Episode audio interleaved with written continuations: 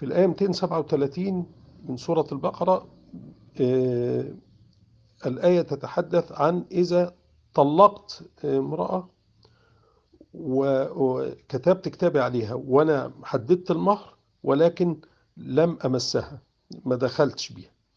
فهنا مفروض أدفع نصف المهر إلا أن يعفون أو يعفو الذي بيده عقدة عقدة النكاح. يعني إما إيه يقول خلاص أنا مش عايز منك حاجة وهو يقول لها طب خد المهر كله. دي بتبقى إيه آه، بال بال بالأخلاق الحسنة يعني. ولا تنسوا الفضل بينكم.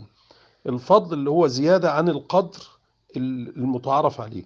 يعني إيه؟ حاجة سمحت بها نفسي كده تطيبا لخاطر اللي قدامي.